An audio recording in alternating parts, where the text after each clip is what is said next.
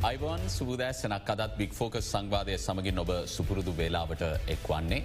රටක් විදියට අපි ප්‍රජාතන්ත්‍රීය ප්‍රතිසංස් කරන ගැන නිරන්තරයෙන්ම කතා කරන රටක්. නමුත් මේ ප්‍රතිසංස් කරන ක්‍රියාත්මකවීමෙන් පස්සේ බොහෝ විට ඒ ප්‍රජාතාන්ත්‍රීය ප්‍රතිසංස් කරන පාලනතන්ත්‍රය කරගෙන ඉදිරියට යද්දී යම් යම් විදිකට විවේචනවලට ලක්වෙනවා. විශේෂයෙන්ම ස්වාධීන කොමිෂන් සභා කියන මාතෘකාව බොහෝ කලක පටන් විටින් විට විවිධ මට්ටමින් සාකච්ඡාවට ලක්වුණා.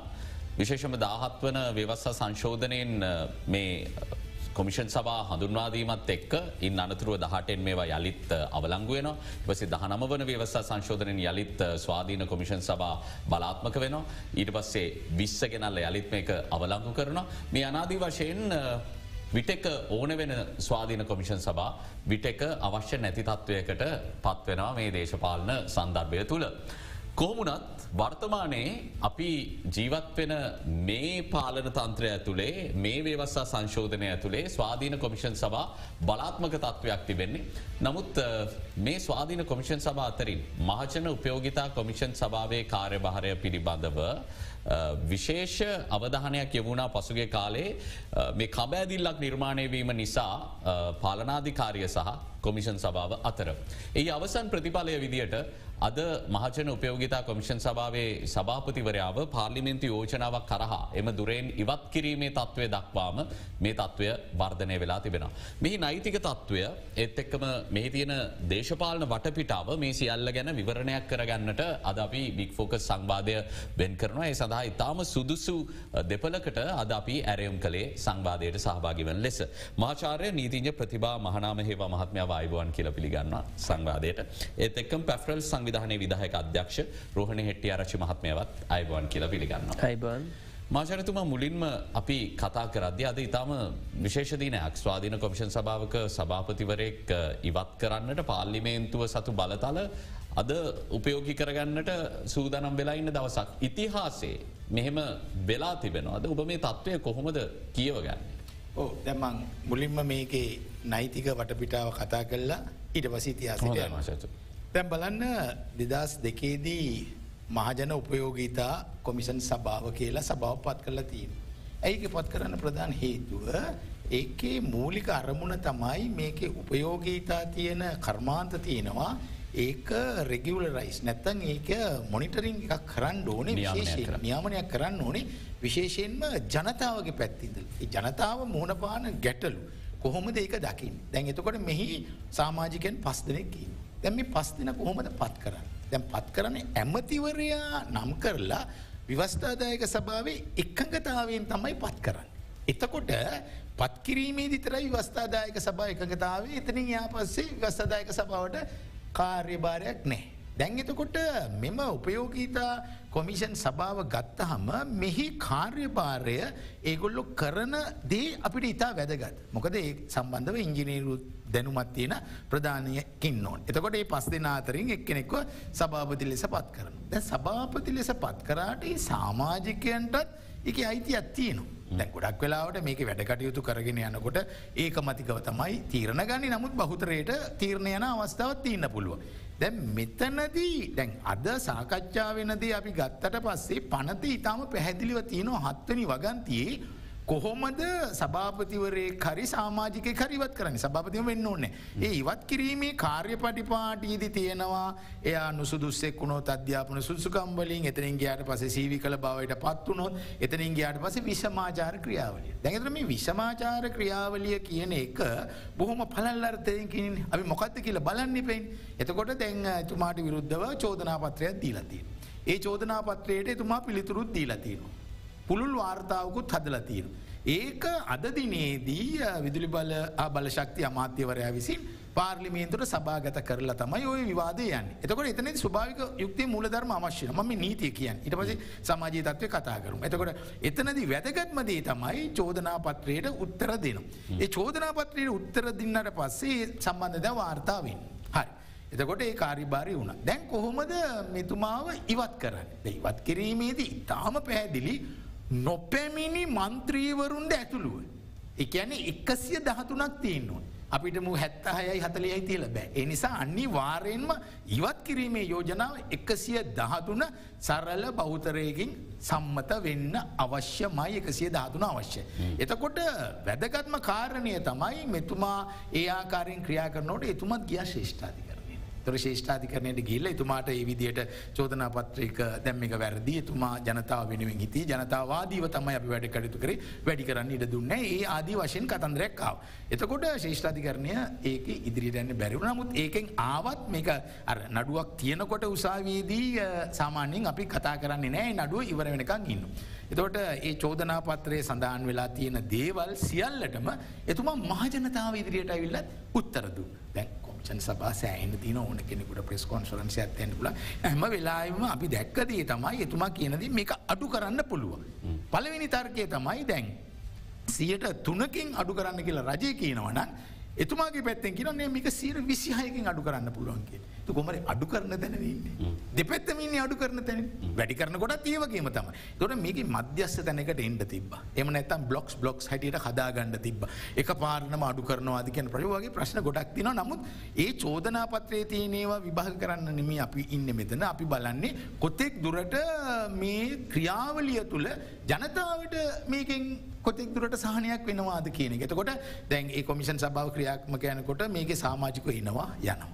මම දැක එක පාර සාමාජිකය තුන් දෙනෙක්. එතකොට මෙතුම විදේශගත වෙලාරිකු මරි සාමාජික තුන් දෙනෙක් කැමැත්තෙන් විදුලි බිල වැඩිකිරීම සිදු කර. එතකොට මේක වෙනස් කර. එතුමා ශේෂ්ඨාධිකරණයට එතනදිත් ගිය. ගිහිල්ල ඒ කතන්දරකිව එතකොට සභාවත්තුමා ඕන කොමිෂන් සභාවල අපි දැනගන්න ඕනේ සභාපතිතුමා හැඩියට ක්‍රියා කරනකොට සියල්ලන්ගේම එකඟතාවයක් එක්ක යන්න නැත්තන් බෞතරයත් එක්ක යන්න. තුර ඒක තමයි පත්කිරීමත් ඉවත් කිරීමේ කාරිභාරයත් එතකොට මෙතුමා ඇවිල්ලා කතා කරනවා. එතකොට එතුමාගේ අනාගතය ගැන කියනවා. ඒක නෙම අපිට අදාලවෙන කොත්තෙක් දුරට පුළුවන්ද අද දුරට? දැන් අද පවා පාර්ලිමේන්තුව මේ කාලේ අගනා කාලයක් කරගන්නවා. දැම පැය හය තුළ විවාද කරලා යම්කිසි තීරණයකට ඒකනෙමේ මමකෙන් විදුලිබිල අඩු කිරීම සඳහා සමස්තයක් ලෙස ගත්තට පසේ විදුලිබිල අඩු කිරීම සඳහා කීයෙන් කී දෙනාද මන්ත්‍රීවරු කතා කරන්න. ජාතික ප්‍රතිපත්තියක් හදන් දෙපයින් ඒ නැශනල් පොලිසි එක හැදවාම අමාත්‍යංශය හදල දෙනකටම උපයෝගතා කොමිසම කැමති ඉන්න ඒක හරි. උපයෝගිතා කොමිසම ඒගොල්ලඟ ඉන්නවා ජේෂ්ටයන් ඒගොල්ලොත් බල්ල තම එක හදලදේ. මේක කඩන්න තියන එක තැන දැ විදුලි බිල ගත්තම ඇත්තර විශාල ඔය මණ්ඩලේ මාෆියාවක් ක්‍රියාත්මකෙන නිල්ල ධාරීවාද ඉහලටම යන. ති යම්කිසි විදිියකට ඒවත් අපි කතා කරන්න ඕනේ මේ බිල වැඩීම මත නෙමේ. එතකොට ඒ ඒ ඒක. ඉරස අපි කතා කරමු ඉතිහාසය තුළ වෙන අවස්ථාත් තියනවා දැන්. ස්වාධීන කොමිෂන් සභාවල සාමාජිකයෙක්කෝ සභාපති කෙනෙක් එහෙම ඉවත් කිරීමක් මැත කාලේ දකිින්ට නෑ. මොකද ඒකට හේතුව තම්මයි ආසන්නම මැතිවරණ කොමිෂන් සභාවේ මීට පෙර එක්තරා සාමාජිකයෙක් මැතිවරණ කොමිෂන් සභාවගත්ත තීරණයට එරෙහිව එතුමාම අධිකරණයට ගියා. නමුත් එහෙම ක්‍රියාමාර්ගයක් ගත්තෙන. නමුත් ශේෂ්ඨාධිකරන්නේ අපි නම කියන්න පුරම් මහිත. ගැන කිය මම කියන්නේ මම ගැන ඒම ඒම තත්වයුත් තියනවා. එම එම තත්වයකු තියනවා. එතුමා වෙලාව මේ වගේ ක්‍රියමාර ඒ වෙලා ක්‍රියමාර්ග ගෙන ඊට ඉස්සල්ල ශ්‍රේෂ්ඨාධිකරන විනිශ්චකාර අගවිනිසුකාරට තුමා නිවිල් සමර්කෝන් ආචාරය චිනානි වණ්ඩාරණගේ මැතිනි අගවිනිසු කර ඒ අයටත් එරෙහිව මේ ආදී වශයෙන් පාර්ලිමේන්තුව තුළම ඒ කොමිටි පත් කල්ලා අවසානය ගත්ත තීරණ තිය. නමුත් මාචරිතුමන මේ අගවිනිස්සුරු වරුන් සම්බන්ධයෙන් කටයුතු කරන ක්‍රියා පටිපාටිය සහ මේ ක්‍රියාප යටි පාටි සම්පූර්ණ දෙක සම්පූර්ණ දෙක මේ සම්පූර්ණ දෙක එහම ගත්තොත් මේ ස්වාධීන කොමිෂන් සභාවක සාමාජිකෙක් හෝ සභාපතිවරේ පාර්ලිමේන්තු හරහා ඉවත් කරන්නට කටයුතු කරන. ඉතිහාසේ පළමු අවස්සා මේ කියලා අපි කිව්ව ත්‍රෝහණේටය රචමාත්මය හරිද. මහිතන මහචාර්තුමා කිව්ව වගේ අපේ දැනුමේ හැටියට මොද අපි ඉතිහාසේ මේක සම්බන්ධින් පරතරටම ස්වාධීන කොමිෂන් සභාපි ගත්තුත් දහත්වනි සංශෝධනය මේ ඇත්ත ඇත්ත. දහත්වනි සංශෝධනය ක්‍රියාත්මක වීම ඉඳලා මේ දක්වා කාලය ගත්තොත් මේ පළවෙනි අතාව තමයි මේ පාර්ලිමේන්තුවට මේ යෝජනාව ගෙනල්ලා පාර්ලිමේන්තුවේ හරහා ඔහුගේ තනතුර අහිමි කිරීම. මෙතන තියෙන කාරණය තමයි ඇත්තට මේ අද දවස්සේ පාර්ලිමේන්තුව මේ කරන ක්‍රියාවලියේ උපයෝගිතාවමකක්ද කියලා. පොද පාර්ලිමේන්තුව කියන්නේ රටේ දැවෙන ප්‍රශ්න පිළිබඳව සාකච්ඡා එක පැත්තක නීති සම්පාධනය කරන එක අනි පැත්තෙන් ප්‍රතිපත්ති සම්පාධන ක්‍රියාවලට සම්බන්ධ පිරිස්. තුර පාර්ලිමෙන්තු කාලය කියන ඉතාම වටිනෝ. මොකද එක දවසක් පාර්ලිමෙන්තු සැසියක් පවත්වන්නට අපි විශාල වියදමක් මේ රටේ පුරවැසි උදාරනවා. ති මේ වගේ තැනක මේ ක්‍රියාවලිය කොච්චර උපයෝගිතාවයක් තියනවාද කියලා. ඇත්තටම මෙතුමා කිව්ව වගේ මේ කොමිස මේ සභහපතිවරයා. මහජනතාව වෙනුවෙන් යම්මාකාරයකට පෙනහිටපු බක්තම අපි දැක්කේ. කැනෙ ඇත්තටම ඇයි මේ කොමිස සභා පත් කරන්න එකැනේ දේශපාලනික සහ අනිකුත් ආයතන විවහන් වලින් කරන ක්‍රියාවලීන්. අතර සමබරතාවේ පවත්තගන්න තමයි මේ හුඟක් කලාට මේ චෙකන් බැලන් සිස්ටමල්ට තමයි හුඟක් ආයතන ක්‍රියාත්මක වෙන්තකොට මේ මහජන උපයෝගිතා කොමිසමත් ක්‍රියාත්මක ක්‍රියාත්මක කිරීමේ අරමුණ වෙන්නේ ඒ සඳහා. තුර ඒක ජනතාවගේ පැත්තෙන් කොහොමද බලන්න කියල්. ඒ ක්‍රියාවලේ තමයි ඔහු කරමින් හිටිය දැගේ වැනි කෙනෙක් සම්බන්ධයෙන් ඔහු ඉවත් කර නීත්‍යයානුකූලව නීතිමේ රාමෝ තුළ ආණ්ඩුවකට පාලකින්ට ඉඩ තියනවා. ප්‍රසාදායකට හැකයාව තියනවා. හැබැයි මේ රටේ තියෙන මේ මොහොත අපි මුහුණ දෙන ගැටලුත් එක්ක මේකද මේ වෙලාවේ ප්‍රමුඛතාවේ පාර්ලිමේන්තුවේ මහජනයෝතයෝ දෙසී විසි පහකගේ කාලය අරගෙන ක්‍රියා කල යුතු ප්‍රමුඛ කාරයක්ද මේ වෙලා එක තියන උපයෝගිතාව මොකක්ද කියන එකත් මෙතැන්දී මොකද මහජන උපයෝගිතා කොමිසම ගැන අපි කතා කරන සම මේ කාරණය මතු කරන්නේ. එකත් අපි හිතන්න ඕන කාරණය රෝහණටය රචමත්මය නමුදැන් ප්‍රජාතන්ත්‍රවාදී ව්‍යවහය ඇතුළේ ආයතන කටයුතු කරගෙන අද්දි බොහවිට මේ පොලිටිකල් ස්ටන්ඩ් ඔ් වලට මුහුණ දෙ අවස්සාවන්ති නොබ දැන් දින පනස්සේ ආණ්ඩුව කාලෙ දැක්කා විදායකය සහ ව්‍යවස්සාදායක අතර ඒවගේ ගටනයක් ඇතිලා ස්ටන්ඩ් ෝෆේකට යන ඉටපස උසාවිය තම මේක විසදල් දෙන්න. නමුත් මේ වෙලාවේ කොමිෂන් සභාව සහ විශෂ විදායකට සම්බඳ කැබිනට මණ්ඩලේ ඉන්දු අතර එවැනි ගට්ටනයක් ඇතිවෙන. එහිදී කැබිනට මණ්ඩලේ පාර්ශවෙන් අපි මම මේ ප්‍රශ්නය හුවොත් ඔවුන්ගේ ස්ථාවරය වෙන්නේ මේ කොමිෂන් සභාවේ සභාපතිවරයා හිතුවක්කාරී ලෙස කටයුතු කරනවා අපි විසින් තියෙන ප්‍රායෝගික ප්‍රශ්්‍ය තේරුම් ගන්නේ නැතුව දිගින් දිගටම ඔහු ඔහුගේ විකල්ප ලබා දෙන්න නමුත් මේ වෙලා අන්ඩුවට ඒ විකල්ප ක්‍රියාත්ම කරන්න බෑ ඔහු ප්‍රායෝගික වෙන්න නැහැ කියල්. එවැනි ස්ටන්ඩ් ඔ් එකදී මේ වගේ පියවර්කට යාම මේ ලබාදීල ප්‍රති ලබාදීල තියෙන ප්‍රතිපාදන තුළ එය උරගා බැලීම සිදු කිරීම බරදක්ත. නෑ ඇතරම බරදක් කියලා නෙමෙයි මම කිව්වේ. ද මේ වෙලාවේක ප්‍රමුඛතාව ඇත්තකෙට දැන්. ඇත්තටම මහජන උපයෝගිතා කොමිසමේ සභාපතිවරයක් කළේ ඔහු සීමාවක්මවාගේ අද කියන එක පිළිබඳව විවිධ මත තියෙන පුළුවන් දේශපාලික මත තියෙන පුළ මධ්‍යස්ථායගෙත් විධ මත තියෙන පුළුවන්. මීට වඩා අන්ඩුවත් එක්ක යම් කෝපරේෂණ එකක් තියාගන්න තිබුණද කියලා කෙනෙකුට මතු කරන්න පුළුවන්. තව කෙනෙකුට කියන්න පුළුවන් නෑ ඔහුගේ වගකීම තමයි ඔහු ජනතාවගේ පැත්තෙන් තමයි ඔහු හිතන්න ඕන කියලා. තුර ඔහු ඔහුගේ වගකීම තමයි ඔහු ඉස්ස කළේ කියලා කියරපල මේක මේක ඕනම් ඕන පැත්තකට මේක යන්න පුළුවන්. මතවාදීව මතයක් එන්න පුළුවන්. ඉති නමුත් මේ වෙලාවේ මේ කාරණය සම්බන්ධයෙන් නීත්‍යානුකූලව ඔවුන්ට තියෙන ආණ්ඩුවට තියෙන බලය තීර ප්‍රතිපාදන තුළ පාර්ලිමේන්තුවට ගෙනහලා මේක පාර්ලිමේන්තු හරහා ඕ ඉවත් කරන්න තියෙන බලය අපි කාටත් අභියෝ කරන්න බෑ එක ව්‍යස්ථාපිතව තියෙන කාර්යක්. හැබැයි මම කිව්වේ මේක සමාජමය කාරණය. මේ මොහොතේ මේ රට ගොඩනැගීම සඳහා මේ රටේ සියලු පාර්ශවයන් එකට හිටගන්න ඕන වෙලාවක්. අපි බරපතල ආර්ථික අර්බුදයකට ඉන්නේ බරපතල දේශපාල අර්බුදයකත් අප ඉන්න ොද අපිට නායක වනති ප්‍රශ්නයක් රටේ තියෙනවා. එතකොට දේශපාල අස්ථාවර භාව පිළිබඳ ප්‍රශ්නත් අපිට තියෙනවා.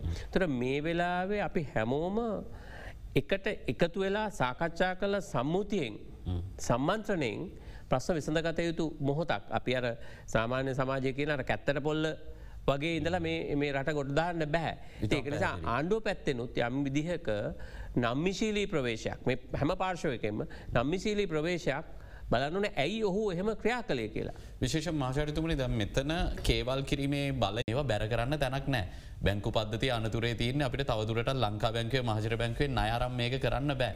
පිරිවැය අපේ මහජනපයෝගිතා කොමිෂන් සභාවේ ස්ථාවරය වුණේ පිරිවැය සරිලන මිලක් කියන එක ඇතුළේ නයාදාල වෙන්න බැහැ කියලා. නමුත් නයත් ජනතාවට දහන් නැතුව මේ වෙලාවේ අකණ්ඩ විදුලි සැපීමක් දෙන්න බෑ කියන සාවරය කැබිනට මණ්ඩලේ හිටිය.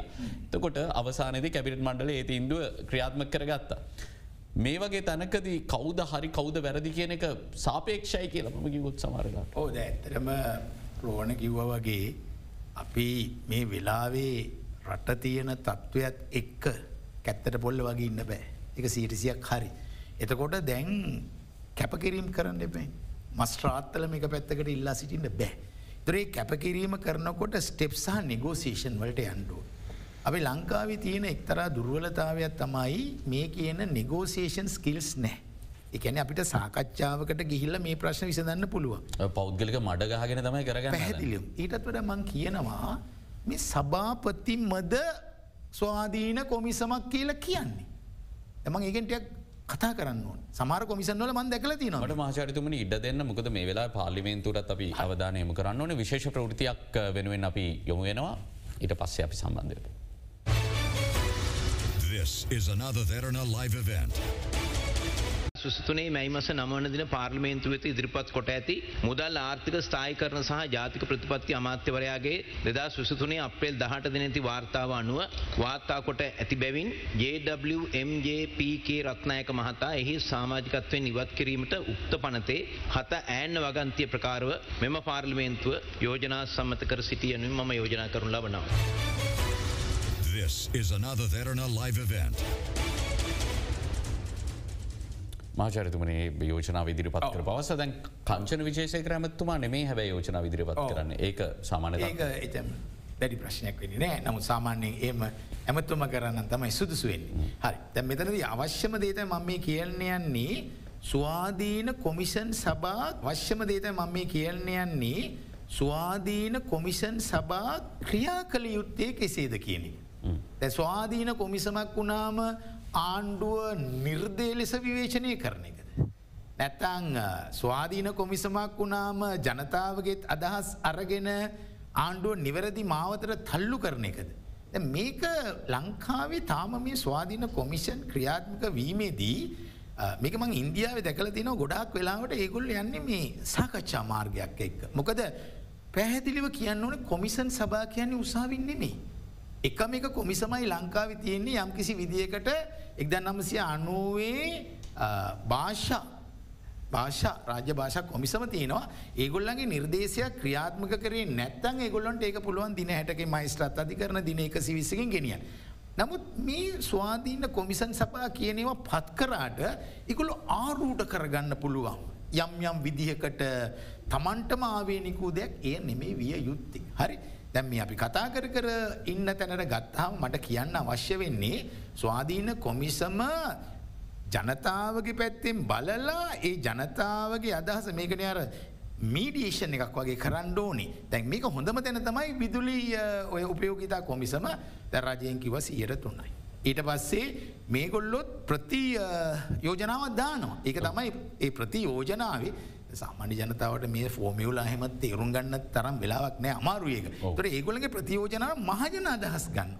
මාජනතා හැම්වෙලාම අඩුවක්න දකිට ලැබින්. එතකොට දැන් මේකේ දෙගොල්ලොමන්නේ අඩු කරන තැන. එකමදේ ක්‍රමවේද. එතකොට අපි බලන්ඩෝන කොමිසමේ සාමා සභාපති වගේම සාමාජිකය මොකක්ද. ඒකට හොඳ මුදාරණ තමයි කලින් හිටු මැතිවර කොමිෂන් සභාව ඒක සාමාජික තදිම්ම පැහැදිලි ලෙස ලිකිතව වාචිකව ය ඉදිරිපත් කරම එක තින වැරදි. නමුත් මේ අනිතවේ සාමාජික කතා කරන බොහම අඩු එතට සාමාජිකයන්ටත් යම්කිසි බලයක් තියෙනවේද.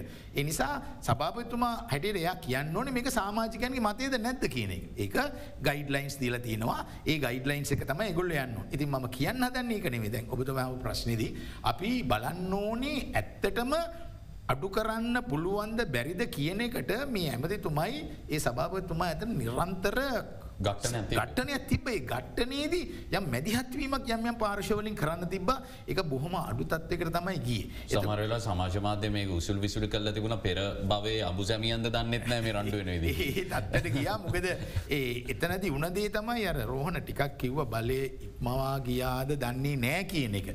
දැ උදාහරණයක් ලෙස මම තව එකක් ගන්නංකෝ මතකද අර උසස් පෙළ විභාග පවත්වන කාලය තුළ එතනැදි අකණ්ඩව විදුලිය සපයන්න කියන එක තමයි විදුලි මේ මහජන උපයෝගතා කොමින් සබා කිවේ නමුත් අනි පැත්තර කියට පස්සේ මොකද වුණේ හෙම මේවා කරනේ අකණ්ඩව අපිට බෑ. මුණ මුල් ලංකායි විදුලු කප්පාදු කරන්න කියලා වෙන. එතකොට මනයකන් කොමිෂන් සභාවට මේක මැදිහත් වෙලා අදාළ පාර්ශයන් ගෙන්නලා ඒ අය නියෝගයක් දුන්නා නැහැ. මේක අනිවාර්යෙන්ම එකල විසිකව ගැන්තයට පුළුවන්.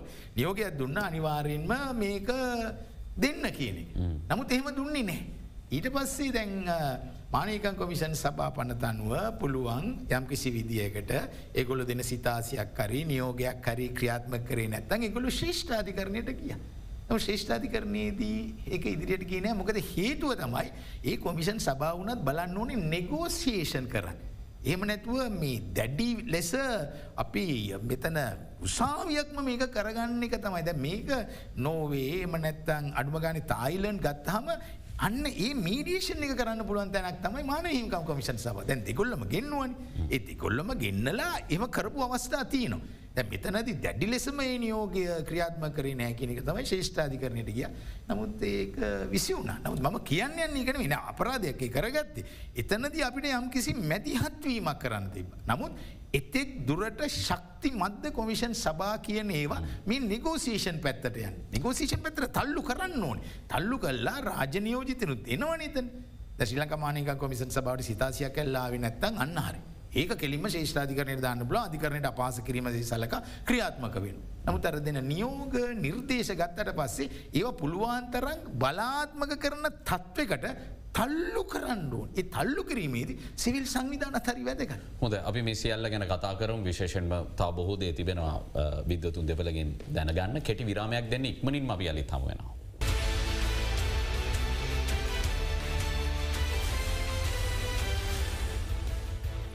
ඔබ අලිත් බික් ෆෝකස් සමගින් අපි සාකච්ඡා කරමින් සිටින්නේ ස්වාධීන කොමිෂන් සභා සහ රජයක් කටයුතු කරගෙන අද්දී ඇතිවෙන ගැටලු නිරාකරණය කරගත්තය යුත්තේ කෙසේද කියන කාරණාව.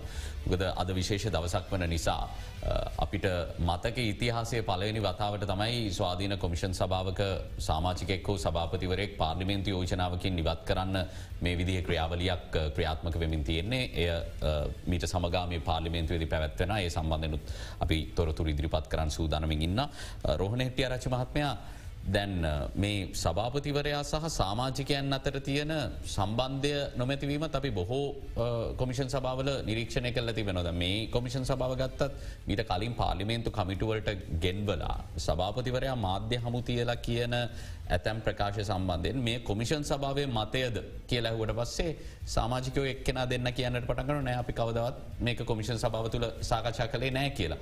තොට කොමිෂන් සභාවක සභාපතිවරයෙක්ට කොමිෂන් සභාවේ පිටිපස බැනරේ තියාගෙන මාධ්‍ය සාකච්ඡාවක් කරද්දි. ඒ සිදු කරන ප්‍රකාශයන් සම්බන්ධයෙන් සෙසු සාමාජිකයන්ගේ බැඳී සිරීම ලබාගන්න ක්‍රියාවලියක් නෛතික රැකවරණයක් තියෙන ක්‍රියාවලියක් අවශ්‍ය නැත්ත නැත්තම් මේ සාමාජික සභාපතිවරෙක්ට සිතුසේ අදහස් ඉදිරිපත් කලාගල සාමාජිකය කිව් අපි නෙමේ. අනිවාරෙන්ම දැන් එක දැන් අපි මේ ප්‍රස්තුත ස්වාධීන කොමින් සභාවටත් සහ අපි සම්බන්ධ මැතිවන කොමින් සභාවට අදාලවත් මේ කාරණය මේ විදිහටම මතු වුණා. අපි එකක් මතකතියාගන්න ඕනේ මේ කොමිසන් සභා අපි කියන ස්වාධීන යාන්ත්‍රණය හරහා පත්තච්චාය නෙවෙයි. මොකද මේක පාර්ලිමෙන් සභාවකිනා පත්තුන ඒ අයම තමයි තාම ක්‍රියාත්මක වෙන් හැබැ එකින් කියන්නේ නෑ ඒ නිසා එයට ස්වාධනෝ කටයුතු කරන්න පුළුවන්කමක් තිබුන්නෑ හෝ එකළු ස්වාධන නෑ කියලා. පොද කෙනෙකුට පත්වීමේ පත්වීම ස්වාධීනතාව වැදගත්. හැබැයි කෙනෙකුට දේශපාලිකව පත්වලත් ස්වාධන කටතු කරන්න පුළුව කොටින්ම කියනම් මේ ප්‍රස්තුත කොමිෂන් සභාව සභාපතිවරය ජනකරත්නායක මහත්මයා මම සම්මුග සාකච්ඡා කරද්දිම කියලා තියෙන වූ ගෝටාබේ රාජපක්ෂ මහත්මයාගේ මැතිවරණ කාර්යාලයක් සඳහා මම්මගේ නිවස ලබා දුන්න. මට හිමි තට්ටු නිවාස සංකීර්ණය සුකොබ්බෝගී නිවසක්. ඒක වෙන්න පුළුවන් මට මේ තනතුර ලබෙන්න හේතුව කියලා ඔහු කෙලිම කියන. ඉති එක නිසා පත්වීම එනිසා අපි පැහැදිලිව මතකතියාගන්නවන මේ දැන්ට ක්‍රියාත්මකන කොමිසන් සභහ එකක්වත් ව්‍යවස්ථාදායක සභාව හරහා පත්වෙච්චේවන් නෙමෙයි. තොට දේශපාල සම්බන්ධකන් තියෙන්න්න පුළුවන්. තකට සමහර කොමිසන් සභාවල සාමාජිකයන්ගේ ක්‍රියාකාරිත්වය දිහා බැලුව හමත් අපිට ඒ අය කොච්චර ස්වාධීනව කටයුතු කලාද කියන එක පිළිබඳව සැකසංකා මතු වෙනවා. හැබැයි කොමිසමක සභාපතිවරයාට සහ සාමාජිකයින්ට පුළුවන්කම තියෙන්ට ඕනේ යම් කිසිත් කාරණයක් යම් ගැටලුවක් මතු වනා නං ඔවුන් අතර එක සාකච්ඡා කරලා පොදු එකඟතාවකට එක ප්‍රතිබා තා පැහැදිලුවකිව මකැන් නො එකඟතා තියෙන්න්න පුළුවන්. හැබැ අපිට බැන්න මොකද මේ කොමිසි සභාවල ඉන්නේ? නිය බැලු බැල්මට මහජහතුමා ඉන්න අවුරුදු පණහ හැට පැනපු අය. එකන ඉතාම පරිණතාය ඒ අර්ථයෙන්. පොඩිලම වයසෙන් ගත්තොත් පරණතාය. එතකොට ඒ අයට බැරිනං තමන්ගේ මේ කණ්ඩායම ඇතුළේ සාකච්ඡා කල එකගතාවයකට එන්ඩ ඒ අය ආණ්ඩුව සහමතවරුත් එක කොහොම එක වෙන්න එකතා ඇතිකර ගන්නගෙන ප්‍රශ්න එනවා. තුට මහරවෙලාට සාමාජික ඇමතිත් එක් එක ගයි ජනාධිපත්තුමත් එක එක ගයි සභවත්තුව එකගෙන. ඒකත් අප මේ කොමිසමට අදාළවත් අපි දැක්කා. දැන් එතෙන්දී හැබැයි ඒ සමහර සාමාජිකයින් දැමතුමත් ඔබ කීප හැටියට දේශපාලනික සම්බන්ධකමක් උඩ ආවත්. අපි ඔය කියන සමහර සාමාජිකයින් ඒ කොමිසමෙන් එලියේ දේශපාල පක්ෂ වෙනුවෙන් පැහදිලිව පෙනහිටපු අවස්ථා තියෙනවා. ඒකයි මෙතන මේ මේ සභහපතිවර පිළිබඳව මහජනයාගේ යම් ප්‍රසාදයක් තිබෙන කතා මේ ජනප්‍රීකාරණයක් ජනතාවක පැත්තෙන් හිටගෙන තියෙන්නේ. අනි පැත්තට අනිත් සාමාජිකයෝ සමහරු දේශපාලනික කඳවුරු සම්බන්ධයෙන් දේශපාලන පක්ෂ සම්බන්ධයෙන් ඔවුන් වෙනුවෙන් පෙනහිටපු අවස්ථා සමාජ ඒ අපිට පේන දැනෙන්න තිබුණා. ඒක නිසා තමයි සමහර වෙලාවට ඔහු ඔහු තනියම ගත්ත තීන්දු පවා බැලු බැල්මට පෙනුනට මහජනතාවගේ ප්‍රසාදය ලබාගෙන තිබෙන්නේ. හැබැයි ඔබ කිව්ව වගේ එක්කෝ මුහුණට මුණ අපි දැක කෝවිත් කාලේ අපි හුඟක් වෙලාවට තාක්ෂණය පාවිච්චි කලා ද මැතිවන කොමිසම පිළිබඳව එනකොට ලොකු චෝදනාවක් තිබුණ. සාමාජික පස් දෙන අතර එකඟතාවයක් නෑ කියලා. හැබැයි වාසනාවට ඔවුන් කිසිවෙක් ප්‍රසිද්ධිය කිව්වේ නෑ මොකද බාහිර පාර්ශවයන් තමයි කිව්වේ. ඔවුන තරකතාවක් තිබුන්නෑ කියල. ඔවුන් ඒ පස් දෙනාම හැමවිටම කිව්වා අපි අතර එකගතාවක තම අපි තීන්දු ගත්ත කියලා. අඩුමත එක්කෝ මුහුණට මුහුණ සාකච්ඡාරා එම නැත්තං සූම් තාක්ෂණය හොකෝ අන්තර්ජාල අවකාසය ඔස්සේ ඔවුන් ගත්තයි කළ. ඉතින් මේ එකඟතාවය ගැනීමේ හැකියාව සභාපතිවරයට තියෙන්න්නු නර මීඩියේෂන් කැනෙ සාකච්ඡා කරලා තීන්දු ගන්න පුළුවන් ස්කිල් එක හැකියාව සභාපතිවරයට තියෙන්න්නත් ඕනේ වගේම සාමාජිකන්ට තියෙන්න්නත් ඕනේ. ඉති මෙවයි ස්වාධනතාවය මට මේකත් තිර දෙන්න කියන්න දැන්. අපි අපි ප්‍රසංවිධාන හැටියට අපි හුඟක්ම සමීප කටයුතු කරන්නේ මැතිවන්න කොමිසම. තකොට මැතිවරණ කොම මේ හැම කොමිසමකම ස්වාධීනතාවේ සාපේක්ෂයි. තුර අපි දන්නවා මැතිවන කොමිසමේ සාමාජිකයෝ ආණ්ඩුකාර දූරේ ඉඳලා කොමිසමට සාමාජිකත්වය හම්බේනවා. කොමිසමේ ඉඳල ආණ්ඩුකාර දූරයට යනවා. ඊළඟට පහුග කාල ලොකු චෝදනාවක් තිබුණා දේශපාලික අවශ්‍යතාවයක් මත ඉල්ල අස්සුනා කියලා. ඉතින් මෙවැනි වටපිටාවක් තුළ මේ කොමිසන් සභහ පිළිබඳවත් මහජනතාවගේ ප්‍රසාදයක් ගොඩ නැගෙන්නේ නෑ. හැබැයි මෙතන අපිට අපි මේ කතා කරන නිශ්ිත කොමිසමට අදාළ මේ කාරණයේදී එක වැදගත්ය ඇත්තියෙනවා. එතමයි දැන් ආණ්ඩුව අපි දන්නවා මෙතුමත් ඒක යම් ප්‍රමාණයකට කිව්වා අපි ලොක ආර්ථික අර්බුදයක ඉන්නකොට අපිට යම් කැපකිරීම කරන්න සිද්ධ වෙනවා. ඉතිහාසේ වැරදි තීන්දු අරන්තියනවා කියලා ඒක නිසා දේශපාලච්චයනම් බැල්ලා අපි හරි තීන්දු හරි වෙලාවෙදී නොගෙන ඉන්න බෑ. එතකොට විදුලි බිල වැඩිකිරීම අවශ වැඩිකිරීම අවශතාව මොක විදුලි බල මන්ලේ විශාල ලෙස පාඩ ලබනකොට වැඩි කරන්න සිද්ධ වෙන එතකොට මේ දෙක අතර සමබර්තාවයක් තියෙන ඕනේ හැබැයි මෙතන තියෙන වැදගත් කාරණය තමයි දැන් සභාපතිවරයා ජනතාවගේ පැත්තෙන් පෙනී හිට ඉඳලා මේක වැඩිකිරීම උපරිම වැඩිකිරීම අවම කරන්න කටයුතු කරන තත්ත්වයක් තුළ ආණ්ඩුව පැත්තෙන් හෝ විදුලිවල මණ්ඩල් පැත්තෙන් දැක්කේ නැහැ අපි කවුරුත් විදුලි පිරිවෑය වියද මඩුකර ගැනීම සඳහා කිසිම ක්‍රාමාර්ගයක් ගන්නවා. අපි සමාජ කතිකාවේ සමාජ මාධ්‍යවල අපි දකින්නේ විදුලු බිලගෙවන බිල මීට රීඩස්ලට. පඩියක් ගෙවනවා ඊට අමතර හොඳට කියවනට තව පඩියක් ගෙවනවා. මේ වගේ කතානය අපි දැක්කේ. එතකොට ඉන්න කාර්යමණ්ඩලය ප්‍රමාණය මම ඇත්තටම තොරතු දැන ගැනීම පනතෙන් ඉල්ලවා කොච්චර ඔගොලගේ කාර්යගත්තය නොද කොච්චර පසේ ස්තිරසේවක නොද කොච්චර බඳවා මේ තෙම්පරි මොකද හුඟක් ආයතනවල මේ කොන්තරත් දෙනවා. නමුත් ඇමතිතුමාන කියන ප්‍රතිවියෝගත කිරීම ආරම්භ කරලා තියන්නේ ඒක වෙනම කමිටුවක් කරහා ඉදිරියට යනවා. එය සහ මේ විදුලි සංශෝධනය කියන එක තියාගෙන මේක ප්‍රාණෑපකරුවෙක් කරගන්න එපා. එහමුණොත් පැවිසි අතරම කරන්ටක දෙන්න බැහැ කියන කාරණය පසුගේ කාලකිව්. ඔබතුමාව කියන පිරිවෑඩු කිරීම ප්‍රතිවියෝගත කිරීමත් එක්ක අකාරයක්ෂමතාවය අඩු කරගෙන සහ පුනර්ශනය බලශක්තිවට යොමු වෙලා කල්ගත වෙන කාරණයක්. එයිද මේ වෙලා මට මේකට ඉඩ දෙන්න කියන එක ඔහුත් ටවිට හැතුළු මේ හැමතැනම කතා කරයි හැබැයි මහජනයාට විශ්වාසය දැනෙන්ද නං සාධාරණ ක්‍රයාමාර්ග. දැම්මේ අපි කතා කරන්න අවුරුදු අපි කිවක දළවසෙන් අවුරුද්දක් කියලා. මේ අවුරුද්ධ ඇතුළේ ඒ ලොකු අපි ඔය කියන පුළුල් පරාසේ වෙනස්කම් මීට පෙර ඉතිහාසේ දේශපාලන පක්ෂ කොහොමද ක්‍රියාගල තියනක අපි දන්නවන. හැබැයි මිනිස්සුන්ට දැනෙන පේන කිසිදු ක්‍රියාමාර්ගයක් මේ දක් අපි දකින්න නෑනේ පිරිවෑ අඩු කර ගැනීම සඳහා. එතකොට එවැනි සාධනය උත්සාහ ගනිමින් මේ ක්‍රියාවලිය සිද්ධ වනා නං මහජනතාවගේ පැත්තෙක් මේවට මේ තරම් ප්‍රතිවරෝධයක් එන්නේ නෑ මොකද මිනිස්සු දන්න රට බරපත අර්බුද එක තියෙන්නේ ත අපිත්‍යයම් කැපකිරීමක් කරන්න වෙනවා කියලා. හැබැයි ඒ කැපකිරීම මව චෝදනාව ඉදිරිපත්වන රෝහණෙට්‍ය රච මහත්මයා මේ ස්වාධන කොමිෂන් සභාව සභාපතිවරෙක් වුණාම ඔහුට නිතැතින්ම විශාල සමාජය ආමන්ත්‍රණය කිරීමේ සහ සමාජයේ මේ තන්ත්‍රය කටයුතුවලට මැදිහත්වීම බලයක් කිමි වෙනවා. එතකොට මේ එල්ල වෙන චෝදනාවක් ක්‍රජුවම අපි මේ විවෘතව කතා කරන්න උත්සා කරන තොට යම් කෙනෙකුට අනාගත අභිප්‍රායන් අනාගත අරමුණු තිබුණොත්. ඒ සඳහා මේ තනතුර අවභාවිත කිරීමේ හැකියාව ඕනම කෙනෙකුට හිමිවෙන්න පුළුවන් සමාජය තුළ තමන්ගේ ප්‍රතිරූපය වෙනුවෙන් පෙනී සිටින්නට යම් කෙනෙකුට උමනාවත් තියෙනවන. එවැනි අවස්ථාවකදී යම් කෙනෙකුට සමහරලාට සමාජය තුළ ගට්ටනයක් ජනතාව සහ රජය අතරත් ඇති කරන්නට පුළුවන් කමක් නැද. අනිවාර්යම අනිවාර්යම එවැනි ඉඩ කඩක් තියෙනවා. මොකද මේක සීමාවක් පනවල නැහැ ඔබ කිව්වාගේ කොමිසි සභාවල සභාපතිවරුන්ට මාතනද අර සාමාජිකන්ගේ අවසර ඇතිව මාධ්‍ය ඉස්සරා කියන හැමදේම අපි එකට කතා කරලා කියමු කියන එක වැදගත් වෙන වනේද. අනිවාර්යෙන්ම කොමිසමක බෙතුමකිව වගේ සභහපති කියන්නේ තව එක සාමාජිකෙක් තමයි. ඔහුට සභාපතිවරය හැටියට ඒ කණ්ඩායම මෙහෙවා ගැනීමේ බලය තියනවා. ඒ සමහර කොමිසන් නොල ඉතා සමානම බලය තමයි තියෙන්නේ.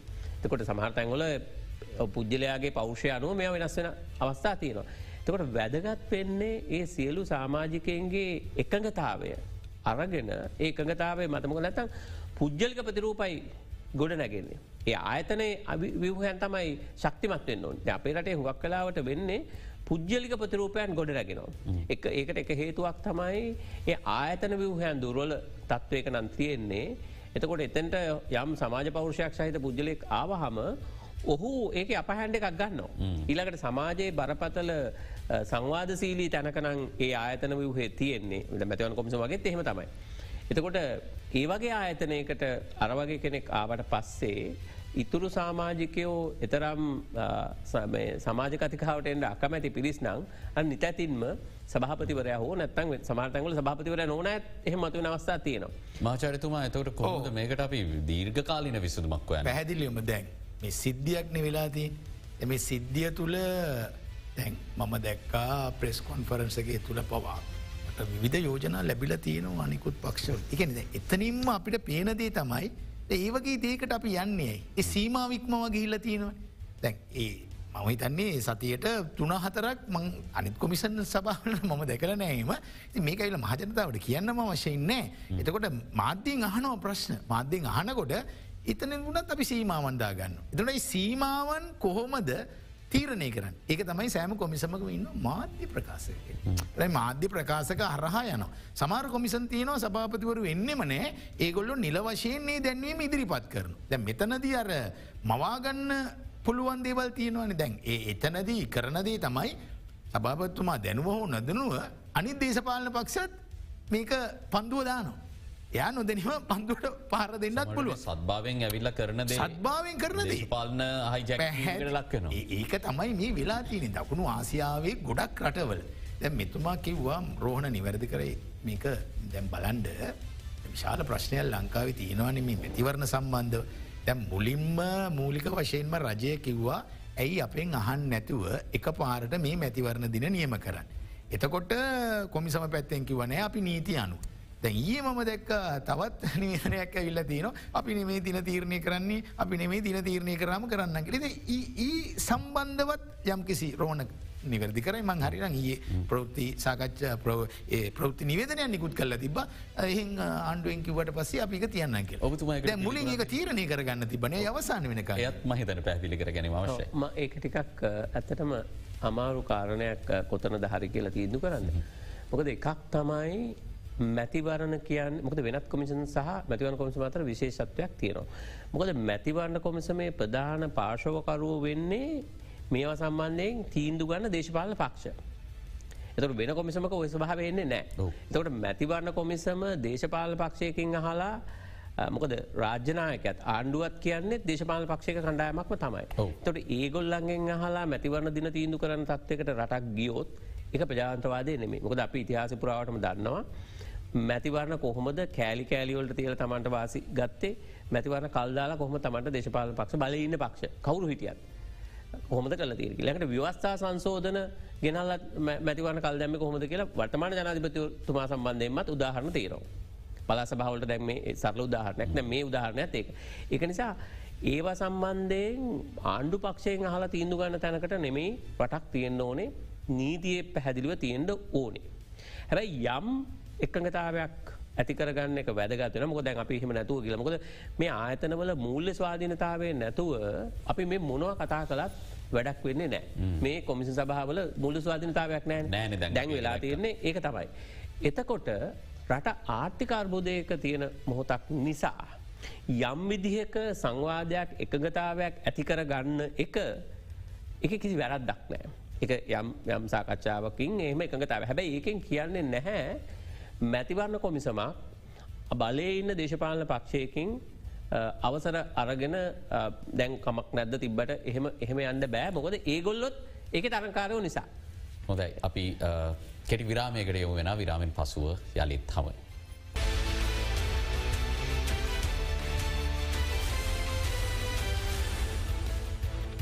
ඔබ අලත් බික් ෆෝකස් සමගින් මහචාර නීතිඥ ප්‍රතිබා මහනාම හෙවා මහත්මයටම යොමු වෙන්නේ විරාමෙන් පසුව. මහචරිතුමා දැන් බෙදැක්කා දහනමෙන් විස්සට ජනමතයක් නිර්මාණය කරගන්න අවස්ථාවේදී මැතිවරණ වේදිකාවේ පවා ඊට කලින් තිබුණු මැතිවරණ කොමිසමේ මේ ක්‍රියාවලිය ඒ ඇතුළෙදි වෙච්ච ගට්ටනයන් තමයි යොදාගත්තේ ජනමන සහදන්න කොමිෂන් සබ එපා කියලා.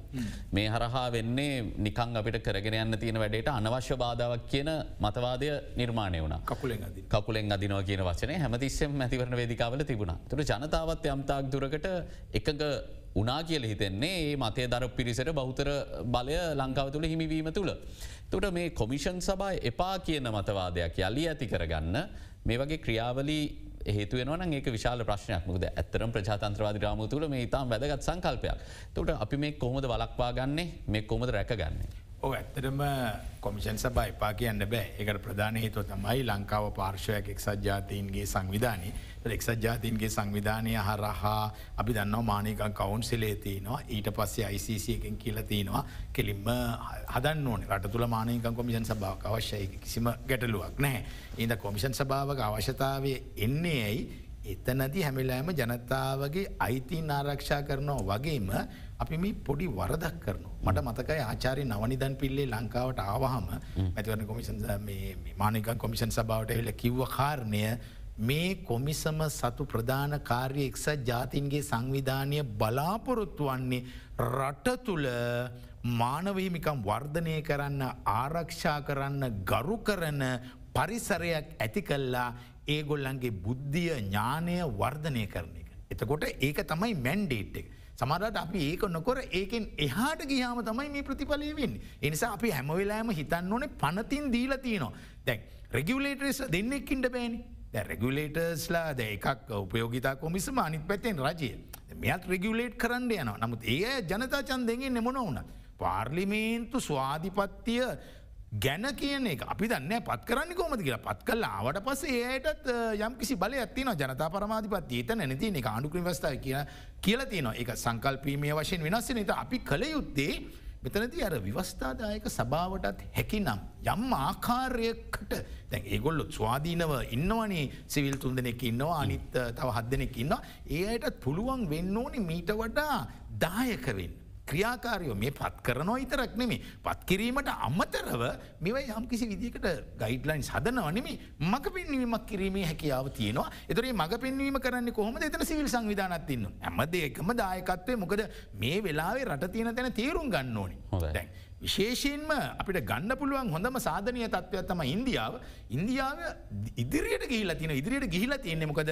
ජනතාවගෙන තදා සරගෙන ජනතාවට දෙන්න බලාපොරොත හරි විදුලි බිල අඩු කරන්න මේ විදිට මන කියන ස්ලබ්සලින් යන්න පුළුවන් හොඳයි. ඒනම් මේම ගටනය ඇතිවෙන්නේ නෑ එක හෙලා කිය සිටන විසියට විසිතගෙන් වැඩි කරන්න කියලා අඩු කරන්න කියලා ඒකත් අමාරුයි. එක හිලා සීර තුනකින් කියෙන ඒකත් අමාරුයි. මැද තැනකට ගේන්න කවුරු හරි සම්බන්ධ හෙටරචමත්ම මෙතුම මේ යෝජනා කරන විදිට ව්‍යවස්සාදායක සභාවට පත්කිරීමට එහා ගිහිල්ල කරන්න පුළන් භූමිකාවක් සහ ඒ සඳහා අවශ්‍ය මැන්ඩෙට්ටයක් ඔුන්ට තියෙනවාද. අනිවාර්ය මැත්තට මට මතකයි කතාන මේ කතානායක හැටියට කරුජසුරි මහත්මය ඉන්න වෙලාවේ මේ ස්වාධන කොමින් සභා ස්ථාපිත වෙනකොට අපි මැදිහත් වෙලා ගිහිල මේ ඉල්ලීම කලා.